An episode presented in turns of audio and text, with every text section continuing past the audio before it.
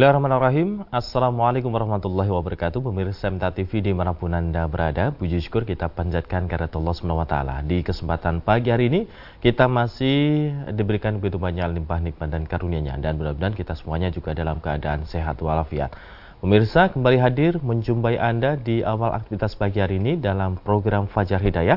Dan insya Allah hingga nanti jam 6 pagi. Tentu Anda juga dapat bergabung di line telepon 02716793000 atau di SMS dan WA 08112553000. Dan Alhamdulillah telah hadir Nasmer bersama kami di pagi hari ini. Anda beliau Ustaz Sunarno, kita sapa terlebih dahulu. Assalamualaikum warahmatullahi wabarakatuh Ustaz. Waalaikumsalam warahmatullahi wabarakatuh. Kabar baik dan sehat Jazat? Insyaallah Alhamdulillah. Ya.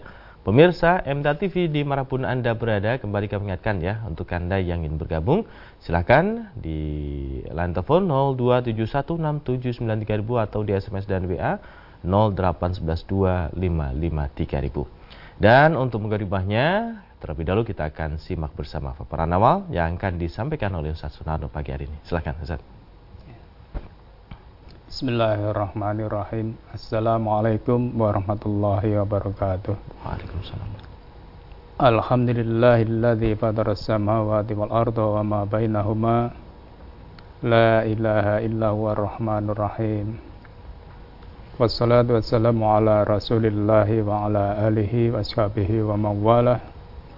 Asyhadu an la ilaha illallah wahdahu la syarikalah wa asyhadu anna muhammadan abduhu wa rasuluhu la nabiyya ba'dahu amma ba'd Saudaraku, pemirsa dan pendengar di mana pun berada, syukur Alhamdulillah Rabbil Alamin. Allah senantiasa curahkan pada kita anugerah sehingga pagi ini kita diperkenankan mengawali aktivitas kita dalam keadaan sehat walafiat.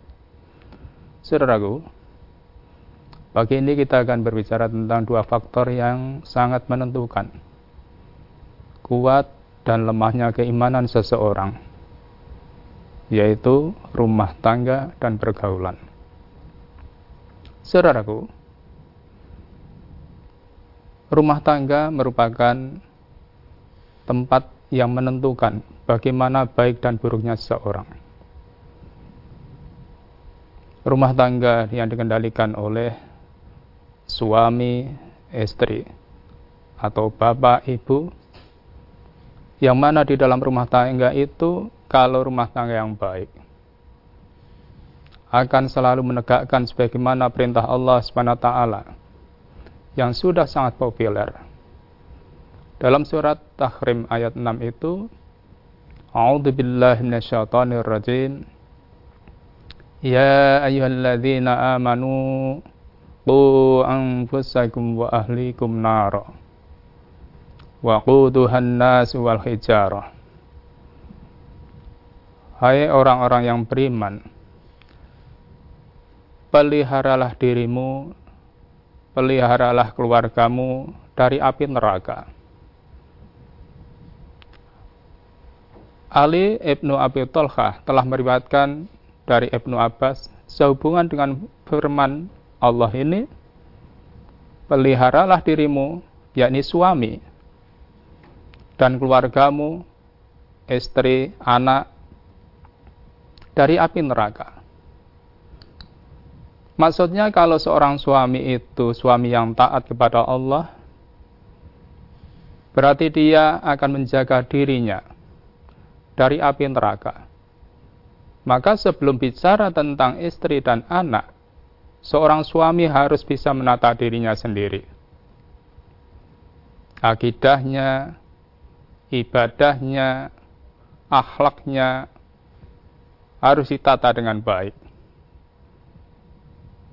Kalau itu semua sudah baik, pasti seorang suami menginginkan istri dan anaknya selamat. Maka tentu suami itu akan mendidik istri dan anaknya untuk taat kepada agama, taat beribadah, sehingga mereka nanti selamat dari neraka. Dan akan menjaga keluarganya, baik dirinya, istri maupun anaknya, dari perilaku-perilaku maksiat, perilaku-perilaku durhaka, Yang semuanya itu akan menyebabkan orang sengsara, baik di dunia maupun di akhirat. Maka Nabi kita Muhammad Sallallahu Alaihi Wasallam dalam hadis Bukhari Muslim mengingatkan pada kita bahwa seorang suami akan dimintai pertanggungjawab nanti di sisi Allah SWT. Wa rajulu ra'in fi ahlihi wa mas'ulun an. Seorang suami itu akan ditanya dimintai pertanggungjawab nanti di hari akhirat.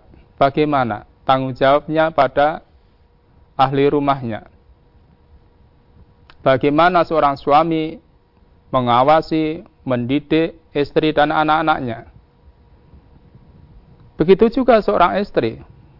Wal mar'atu ra'yatun fi baiti zawjiha wa mas'aulatun an ra'yatiha Seorang istri juga begitu. Akan dimintai pertanggung jawab bagaimana mengelola rumah tangga suaminya dan juga mendidik putra-putranya.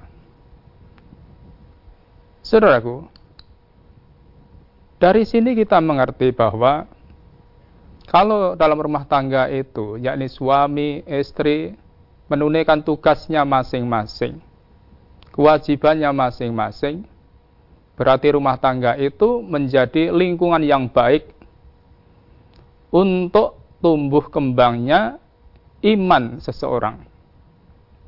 Baik iman bagi suami itu, iman bagi istri, iman bagi anak-anaknya.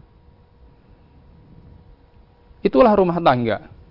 Maka kita, mari kita betul-betul perhatikan rumah tangga kita. Karena kalau kita ingin jadi orang beriman yang baik, tidak mungkin kita mengabaikan rumah tangga kita. Namun kalau sebaliknya, rumah tangga itu tidak menjalankan kewajibannya masing-masing suami, tidak mengerti kewajibannya. Istri tidak mengerti kewajibannya. Sehingga yang muncul pun lingkungan di rumah tangga itu lingkungan yang tidak baik. Maka dari sini, sebagaimana dalam hadis riwayat At-Tailami diterangkan, An Ali bin Abi Talibin, Qala Nabi wasallam, arba'un min sa'adatil mar'i. Empat perkara yang menjadi sebab seseorang itu akan hidup bahagia. Yang pertama, antakuna zaujatuhu salihah. Kalau seorang suami di sini seorang suami yang soleh mesti mendapatkan istri yang solihah. Karena kalau suami yang soleh itu pasti akidahnya bagus, ibadahnya bagus, akhlaknya bagus. Seorang istri yang sulikah juga begitu. Akidahnya kuat. Karena dididik oleh suaminya. Ibadahnya bagus. Karena diberi contoh oleh suaminya. Di samping kalau kita sekarang lebih mudah istri kita mengaji, suami mengaji, sehingga masing-masing bisa mengamalkan hasil kajinya. Kalau seorang suami soleh, istri solehah, wa aulatuhu abroron. Akan lahirlah anak-anak yang baik-baik. Karena dididik oleh bapak yang soleh, dididik oleh ibu yang solehah. Ini semuanya menjadi dambaan semua kita. Kemudian wakulatu solehin, lah di situlah menjadi lingkungan-lingkungan yang soleh. Maka marilah rumah tangga kita kita jadikan lingkungan yang soleh, lingkungan yang baik untuk suami, untuk istri, untuk anak-anak, dan siapa pun yang ada di dalam rumah itu. Wa ayakuna rizqu fil baladi dan bisa memperoleh rezeki yang halal dengan mudah.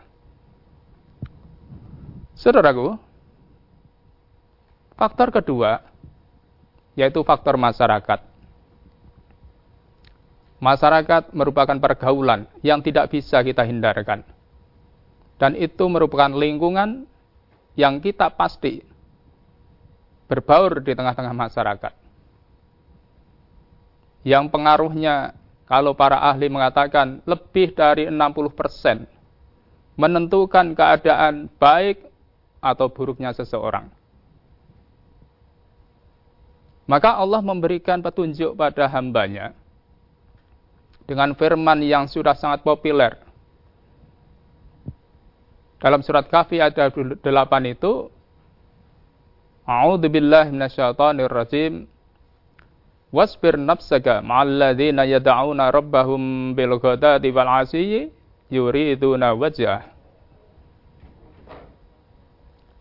Dan bersabarlah kamu bersama-sama dengan orang-orang yang menyeru Tuhannya di pagi dan senja hari dengan mengharap ridho Allah.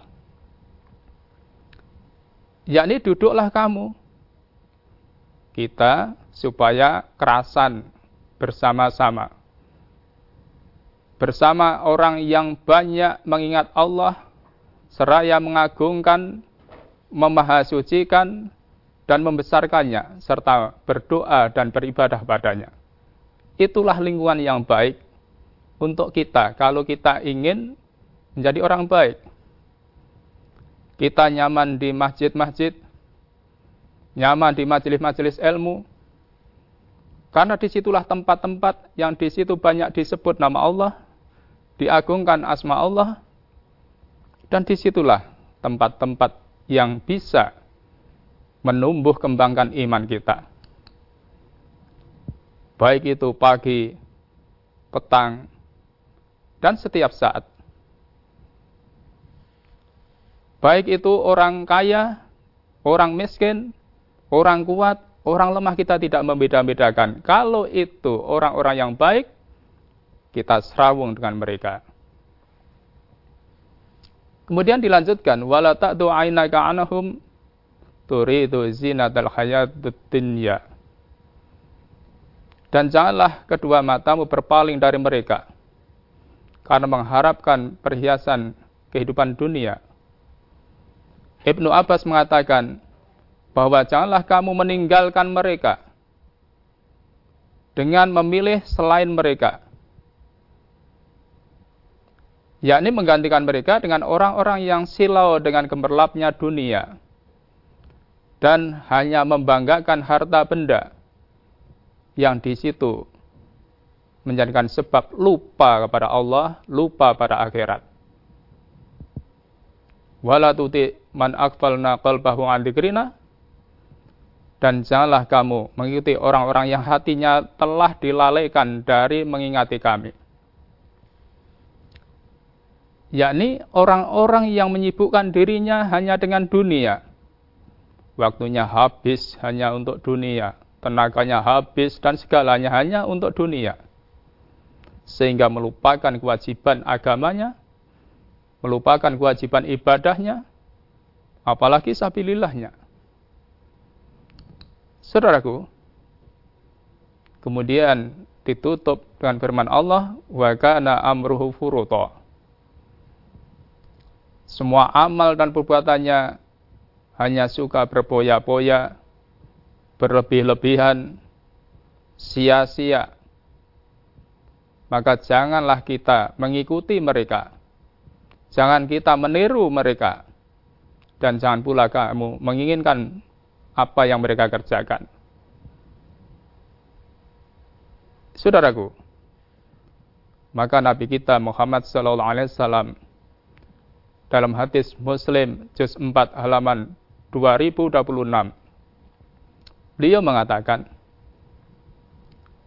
An Abi Musa anin Nabi sallallahu alaihi wasallam qal Innama masalul majlisil salih wal majlisil su Sesungguhnya perumpamaan teman duduk yang baik dan teman duduk yang buruk kahamilil miski wa nafikil kir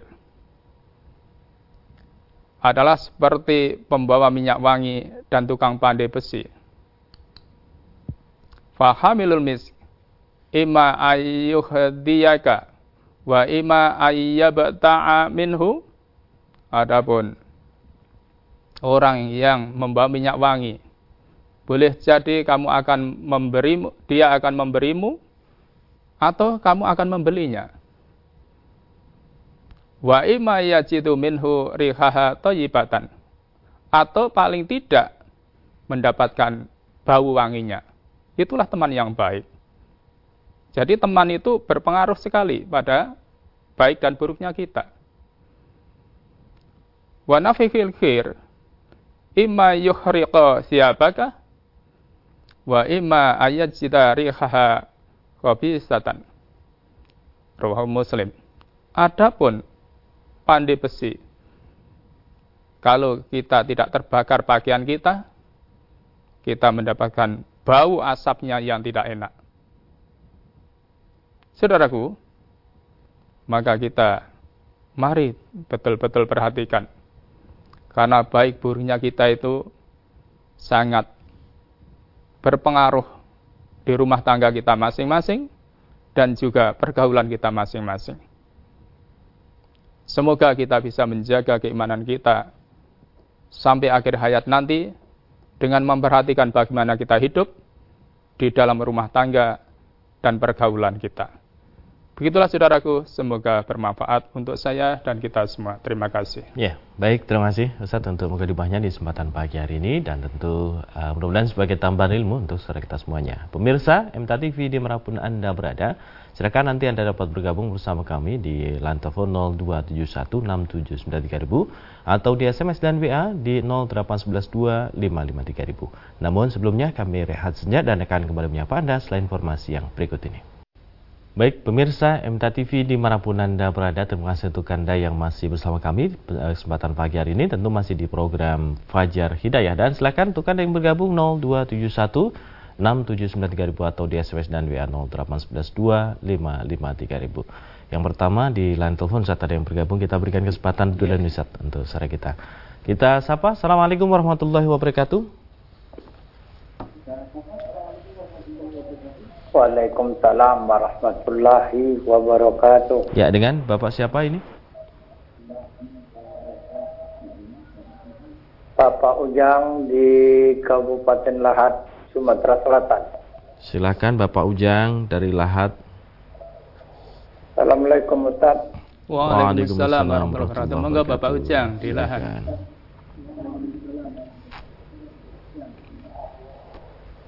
Ini yang yang saya tanyakan surat Al-Maidah ayat 5 itu tolong dijelaskan. Ya. Maksud orang-orang yang sesat itu. Maksud orang-orang yang sesat. Itu aja Pak Ustaz. Ye. Assalamualaikum warahmatullahi wabarakatuh. Waalaikumsalam warahmatullahi wabarakatuh. Ye, monggo Ustaz. Surat Al-Maidah ayat 5 tadi ya. Ya. Jadi Bapak Ujang ya. Al-Maidah ayat 5. Yang ditanyakan apanya tadi? Maksud dari orang-orang yang sesat tadi ya. Oh gitu ya. Jadi di sini diterangkan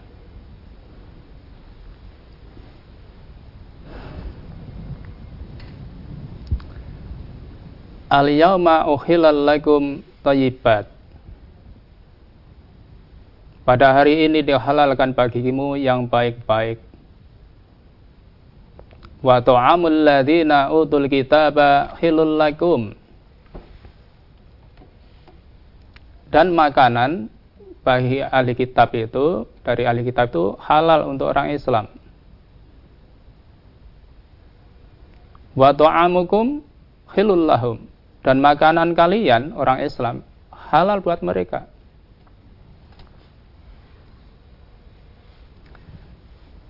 Kemudian di situ dan seterusnya tadi yang ditanyakan kan tentang orang-orang yang sesat.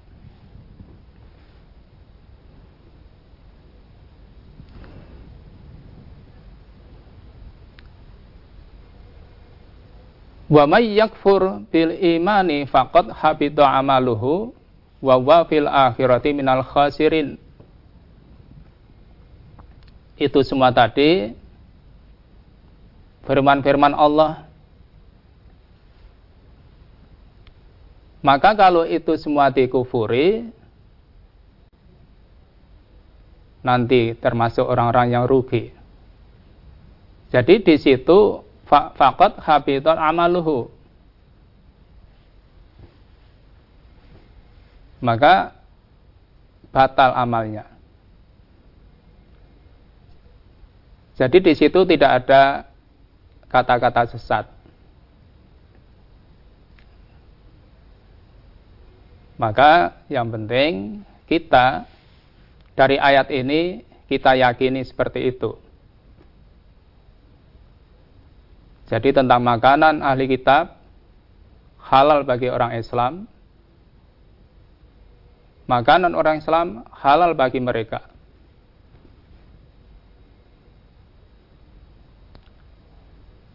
Kemudian yang lebih penting lagi di sini perlu kita perhatikan.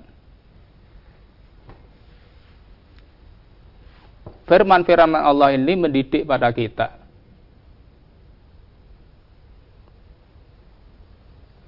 Walaupun di sini, kalau di negeri kita ini, terutama dalam hal makanan, sangat banyak sekali. Sangat banyak sekali. Maka kalau kita umat Islam, ya cari sembelian-sembelian yang disembelih oleh orang Islam. Kalau di negeri-negeri yang barangkali di situ terpaksa harus memakan sembilan orang ahli kitab, ya nggak ada masalah. Kalau di negeri kita di Indonesia ini nggak ada masalah. Maka kita jangan termasuk orang-orang yang mengkufuri firman-firman Allah ini karena ini petunjuk-petunjuk supaya tidak batal amal-amal kita. Sehingga kita nanti termasuk orang-orang yang rugi. Jadi di ayat 5 ini tidak ada kata-kata sesat. Begitu Bapak? Ya. Semoga bisa dipahami. Baik, mungkin ya, mudah-mudahan dapat dipahami. Kemudian berikutnya kita sapa yang ada di WA dan juga SMS sesat sudah yang bergabung. Uh, dari binaan rantau Ikil Bungo Jambi, uh, Ustadz, Tolong dijelaskan yang menerangkan tentang zakat mal, surat apa dan ayat berapa. Atas jawabannya kami ucapkan banyak terima kasih. Iya.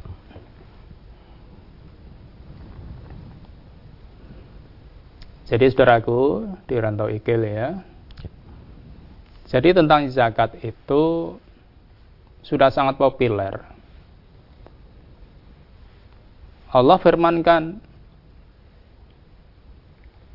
wa mimma razaqnahum yunfiqun. Dan sebagian apa dari yang Allah rezekikan maka keluarkan infakkan.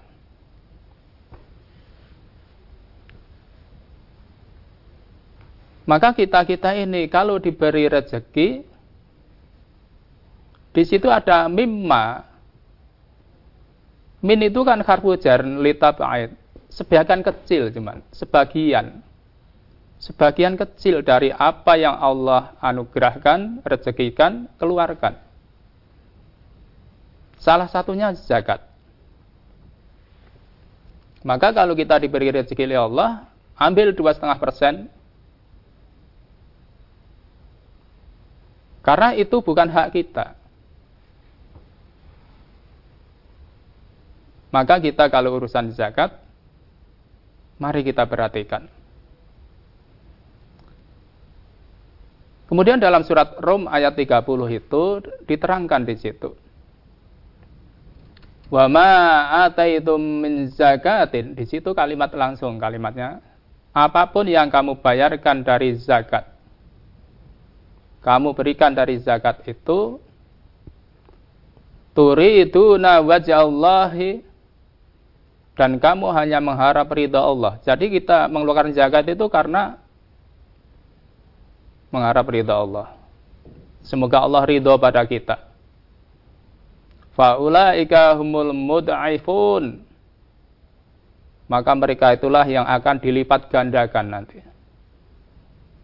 Dilipat gandakan itu baik itu pahalanya, dilipat gandakan maupun harta bendanya di dunia ini. Itulah pentingnya kita perhatikan zakat. Maka kalau urusan zakat, mari kita perhatikan Jangan sampai kita mengabaikan zakat karena zakat itu wajib. Maka zakat itu selalu digandingkan dengan sholat. Jadi zakat itu selalu digandingkan dengan sholat. Maka jangan sampai kita sebagai umat Islam mengabaikan zakat. Berarti kalau kita mengabaikan zakat, termasuk kita berarti tidak memperhatikan sholat kita. Begitu saudaraku, semoga bisa dipahami. Ya, demikian ya, mudah-mudahan dapat dipahami. Kemudian lain telepon lagi nih, kita berikan kesempatan di belakangnya. Assalamualaikum warahmatullahi wabarakatuh. Halo, assalamualaikum. Waalaikumsalam warahmatullahi wabarakatuh. Ya, dengan siapa di mana ini, Ibu? Dengan Umar di Gelanggu. Silakan Ibu Umar. Terima kasih. Assalamualaikum Pak Ustaz. Waalaikumsalam warahmatullahi wabarakatuh. Monggo Ibu Umar. Ini, Ustaz tentang zakat ya bagi umpama gini Ustaz, saya mengambil barang dagangan dari seseorang harga jumlahnya 400 terus dapat laba umpama 50 terus otomatis kan saya seperti yang orang tadi 400 yeah. saya dapat 50 terus yang dia tadi itu yang 50 apa yang 450 Ustaz yeah. soalnya merasa sudah diberikan nikmatan sama Allah. Mm-hmm. Terus zakatnya itu 450. Mm-hmm. Itu gimana Ustaz? Tapi yang disetorkan sama orang tadi 400. Saya dapatnya 50. Itu. Terima ya, kasih. Ya. Wassalamualaikum warahmatullahi wabarakatuh. Waalaikumsalam warahmatullahi wabarakatuh. Jadi itu ya, jadi masalah zakat. Jadi kalau kita itu punya uang ratus, 400 ya, untuk membeli sesuatu yang 400 tadi sudah dizakati, mesti gitu ya kita ya. Kemudian kita belikan sesuatu 400 dijual apa itu? Laba 50, 450 berarti ya. Maka kalau sudah yang untuk beli tadi sudah dijakati, sekarang ya dijakati yang 50 itu. Yang 50 itu kan labanya, hasilnya yang 50 itu yang dizakati. Ambil 2,5 persen. Jadi kalau urusan zakat, ya maaf, kita harus hati-hati ya. Begitu Ibu, semoga ya. bisa dipahami. Demikian ya Ibu ya, uh, Ibu Mar mudah-mudahan dapat dipahami. Kemudian di belakangnya kita berikan kesempatan lagi di Lantofon. Assalamualaikum warahmatullahi wabarakatuh kembali Ustaz itu tadi tidak modal Ustaz tidak modal tapi kita mengambil tapi kita tidak modal ngambil sama orang 400 terus dapatnya 50 oh. terus yang disebarkan itu kan 400 yang itu iya tapi yang 50 apa yang 450 gitu Ustaz inje, inje. oh, oh iya iya perjelas lagi berarti iya jadi ya, yang 400 mengambil. tadi mengambil ya dari orang lain dagangan, ya, mengambil ya. dagangan nah, sekarang kalau ibu jual 450 sehingga yang dizakati yang 50 itu. Hmm. Yang Karena yang ya? yang diambil tadi kan bukan miliknya. Jadi cuma ngedol lagi kan istilahnya begitu hmm. ya, Pak. Jadi ngedol lagi. Jadi yang dizakati yang labanya saja. Hmm. Begitu Ibu. Ya, demikian Ibu ya. ya. Uh, mudah-mudahan dapat dipahami berarti yang uh, labanya saja ini ya, yang, ya. dizakati gitu. Masih di Lantofon, kita berikan kesempatan. Assalamualaikum warahmatullahi wabarakatuh. Masih di Lantofon, kita berikan kesempatan. Assalamualaikum warahmatullahi wabarakatuh. Halo, Assalamualaikum. Waalaikumsalam warahmatullahi wabarakatuh. Ya, dengan siapa di mana ini, Bapak?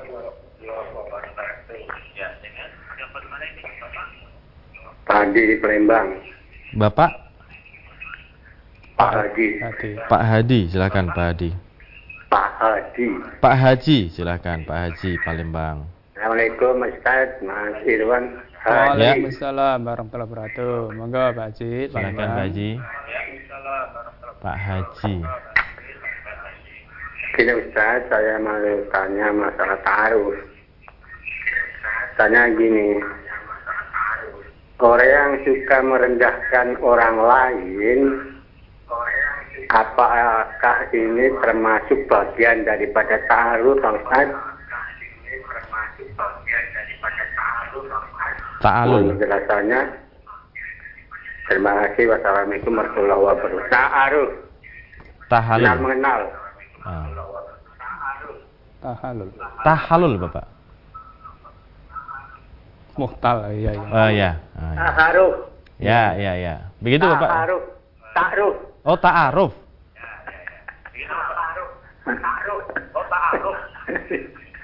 Kenal mengenal. Oh, pengenal mengenal. Oke, oke, oke, oke. Oke, begitu. Cukup, Bapak? Orang yang suka merendahkan orang lain Mhm. itu apakah termasuk bagian daripada ta'aruf? Mm-mm. Bagian dari ta'aruf, J. Terima kasih. J, Bapak. Jadi Pak Pak Haji ya tadi ya. Oh, J, Pak Haji Palembang. Silakan. Palembang, ya, Pak Haji ya. Jadi ta'aruf itu gini Bapak ya. Kalau dalam Al-Quran kita diajarkan Ya ayuhan nasu inna khalaqnak min dzakari wal unsa wa su'uba wa qabaila lita'arafu lita'arafu begitu ya.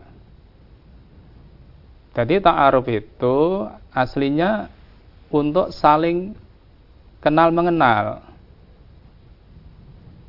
Lah setelah kenal tafahum untuk bisa memahami. Kalau sudah paham, takaful, tolong menolong. Jadi bukan justru malah meremehkan, merendahkan, atau sesuatu yang tidak baik.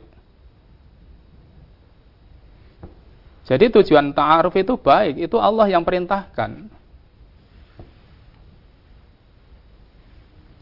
Jadi kita itu dijadikan su'uba wa qabaila. Berbangsa-bangsa, bersuku-suku. Itu supaya saling kenal mengenal. Sehingga dengan ta'aruf itu akan memunculkan perdamaian. Akan menghindarkan permusuhan. Itu tujuannya. Maka kalau ta'aruf itu pasti lanjutannya tafahum.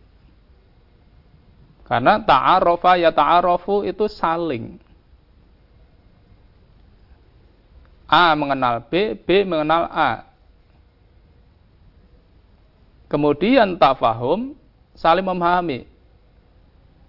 A paham pada B, B pada paham pada A. Lah di situlah kita bisa saling menjaga. Bukan justru kita mengetahui saudara kita itu saudara yang lemah dalam ekonomi, lemah dalam ini, malah kita remehkan itu tidak boleh. Itu malah perbuatan dosa. Karena itu sudah unsur kesombongan. Unsur kesombongan. Dan itu dilarang oleh Allah.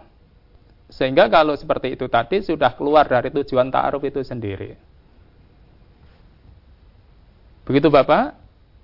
Semoga bisa dipahami. Demikian ya, mudah-mudahan dapat dipahami. Kemudian kita baca yang ada di WA ini Ustaz atau SMS dari Pak Supriyono dari Batang. Mohon tausiahnya Ustaz, mohon maaf di luar tema. Bahwa orang yang telah meninggal dunia tidak bisa beribadah di masyarakat. Ada kalanya bersodakoh di atas namakan pada orang yang telah meninggal dunia. Ini berarti ibadah yang masih hidup pahalanya diberikan kepada yang meninggal tersebut. Apakah ini ada dasarnya Ustaz? Walaupun dasarnya tidak jelas atau doif gitu Ustaz. Nah, Iya. Jadi Bapak tidak eh, Pak Supriyono Pak Supriyono ya di ya. Batang ya.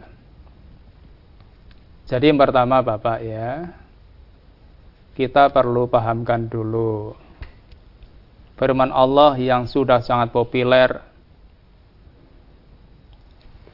A'udzu billahi minasyaitonir rajim.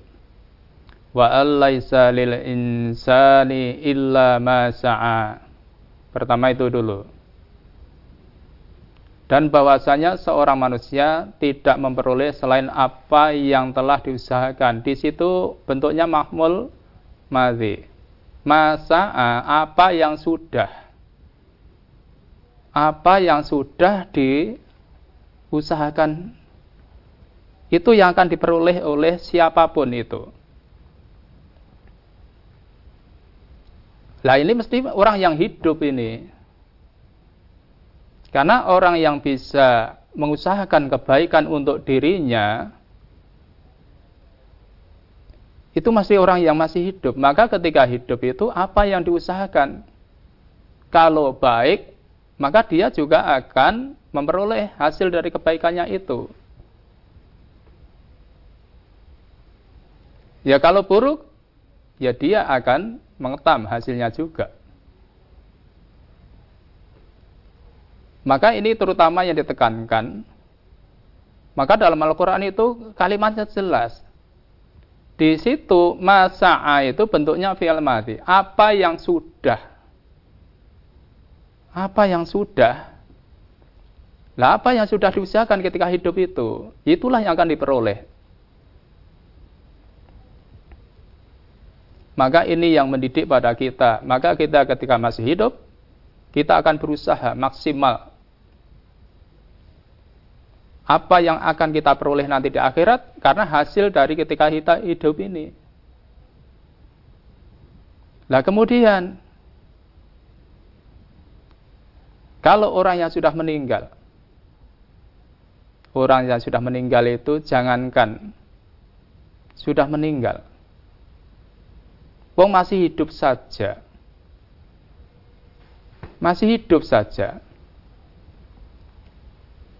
Kalau dia terhalang dari apa yang diusahakan itu, contoh umpamanya orang pikun. Orang pikun itu masih hidup. Namun apa yang dilakukan oleh orang pikun itu sudah tidak dinilai oleh Allah. Itu masih hidup. Maka kita ini beramal ya untuk kita sendiri. Kita tidak bisa mengirimkan pahala bagi orang yang sudah meninggal. Tidak bisa. Karena orang yang sudah meninggal itu ya sudah memperoleh apa yang di, sudah diusahakan itu. Lah kalau kita yang hidup ini bisanya mendoakan. Mendoakan. Mudah-mudahan diampuni dosanya oleh Allah SWT. Maka kita tidak bisa menambah amal bagi orang yang sudah mati, apalagi kirim mengirim kebaikan bagi orang hidup untuk orang mati, itu tidak ada tidak ada dalam Islam. Itulah yang perlu kita pahamkan untuk diri kita sendiri. Sehingga kita selama hidup ini, mari kita berusaha untuk bisa beramal yang nanti bermanfaat untuk diri kita masing-masing. Begitulah Pak ya. semoga bermanfaat. Baik, demikian ya Pak Supriyono, eh, semoga dapat dipahami dan tidak terasa saat sekaligus sebagai pertanyaan terakhir di kesempatan pagi hari ini, barangkali sedikit kesimpulan untuk kita semuanya. Iya. Saudaraku pemirsa dan pendengar di mana pun berada yang saya cintai saya hormati jadi kesimpulannya saudaraku iman kita ini sangat terpengaruh oleh situasi rumah tangga kita situasi pergaulan kita. Maka marilah kita jaga iman kita ini maka kalau kita menjaga iman, berarti kita juga harus menjaga rumah tangga kita.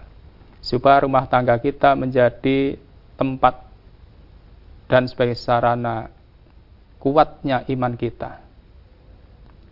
Maka keharmonisan suami istri harus dijaga.